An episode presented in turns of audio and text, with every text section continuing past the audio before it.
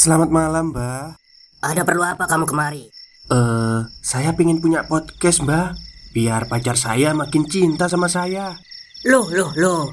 Mau bikin podcast kok tanya dukun? Sekarang kamu download aplikasi Anchor.fm. Di situ kamu bisa buat podcast gratis dan podcast kamu bisa didistribusikan ke platform mana pun. Dan di aplikasi atau website Anchor.fm juga terdapat fitur-fitur yang memudahkan kamu untuk membuat podcast. Oh, gitu ya, Mbak. Kalau gitu, saya boleh minta password wifi-nya, Mbak. Buat apa? Buat download Anchor.fm, Mbak.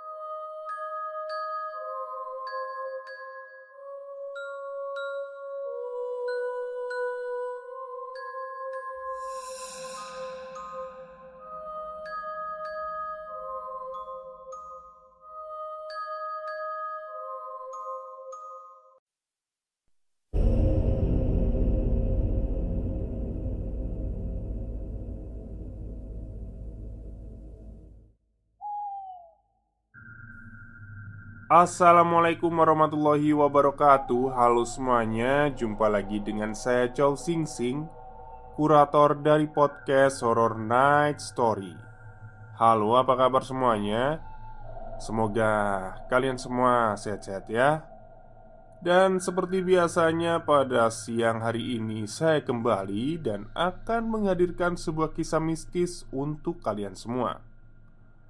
Kisah mistis kali ini pendek ya Karena yang panjang-panjang masih saya proses.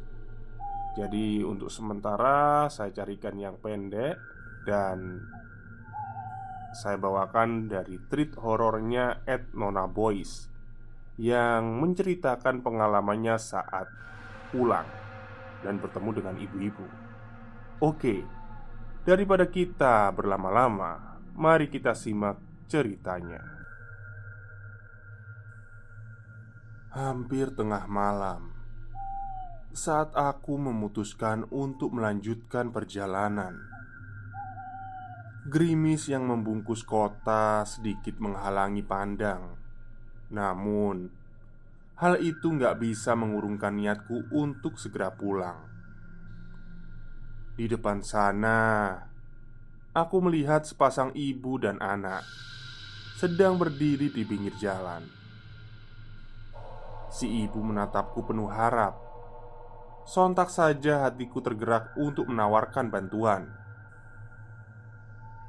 "Ibu mau saya antar?" Tawarku saat motor yang kukendarai berhenti tepat di depannya. Ia tersenyum hangat lalu menoleh pada anaknya. "Udah, jangan nangis lagi. Sudah ada yang mau antar kita pulang kok. Ucapnya pada sang anak Sepenuhnya abai dengan pertanyaanku. Masnya mau pulang ke mana? Si ibu tiba-tiba melempar pertanyaan padaku. Ke kampung rambutan bu. Sambutku. Ibu mau saya antar ke mana? Aku memberinya pertanyaan yang sama Gak jauh kok mas. Turun bukit Langsung jumpa sama rumah saya.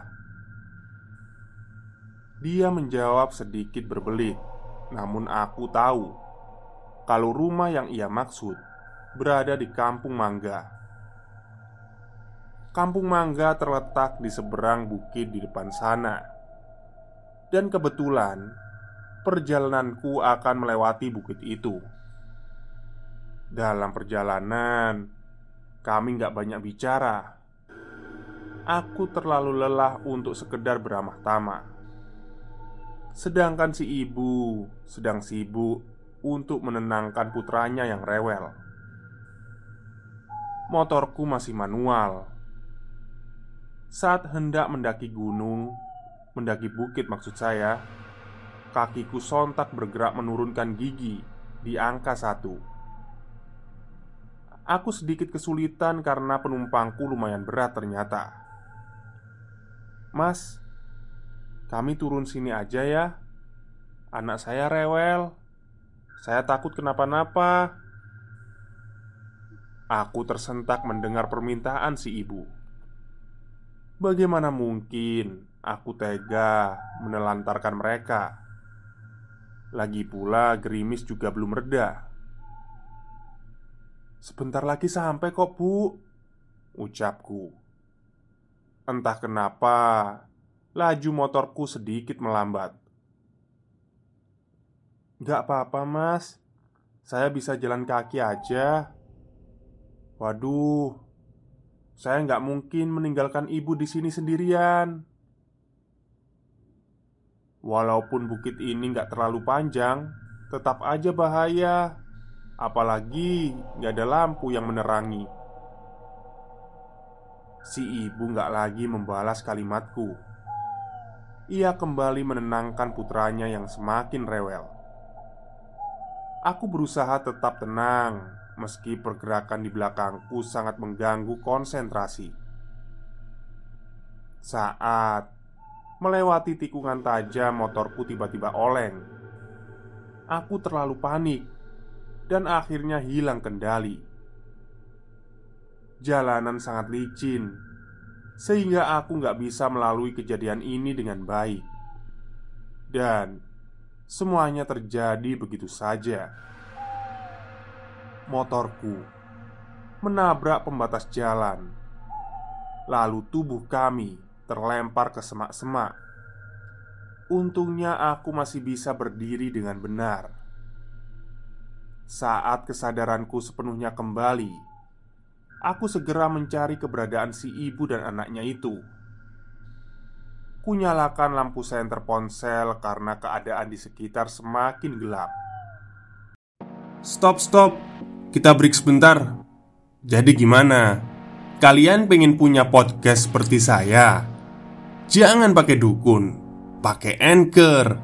Download sekarang juga. Gratis. Bu, ibu, teriakku dalam gelap gulita. Sekitar lima menit aku menyisir semak-semak, namun nihil. Gak ada hasil yang kudapatkan.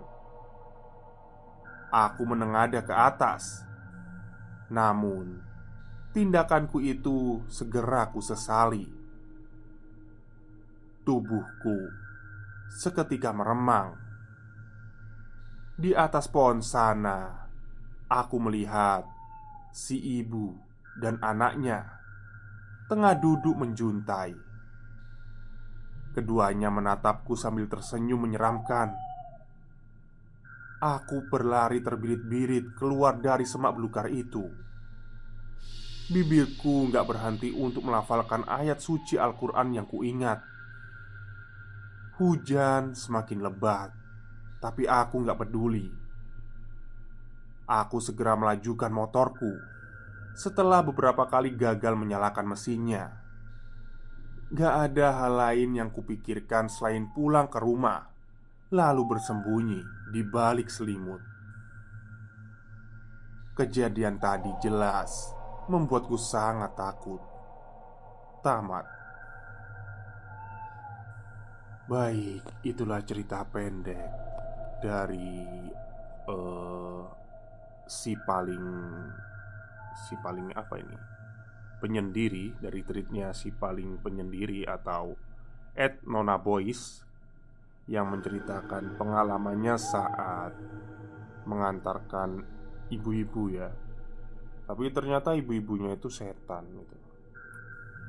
Menurut saya nggak tahu terima kasih ya setannya ini ya. Udah dianterin malah nakutin gitu lah ya paling enggak kalau mau terima kasih nggak usah lah menampakkan wujud aslinya gitu ya. Ya udah terima kasih mas. Udah dianterin gitu aja kan beres.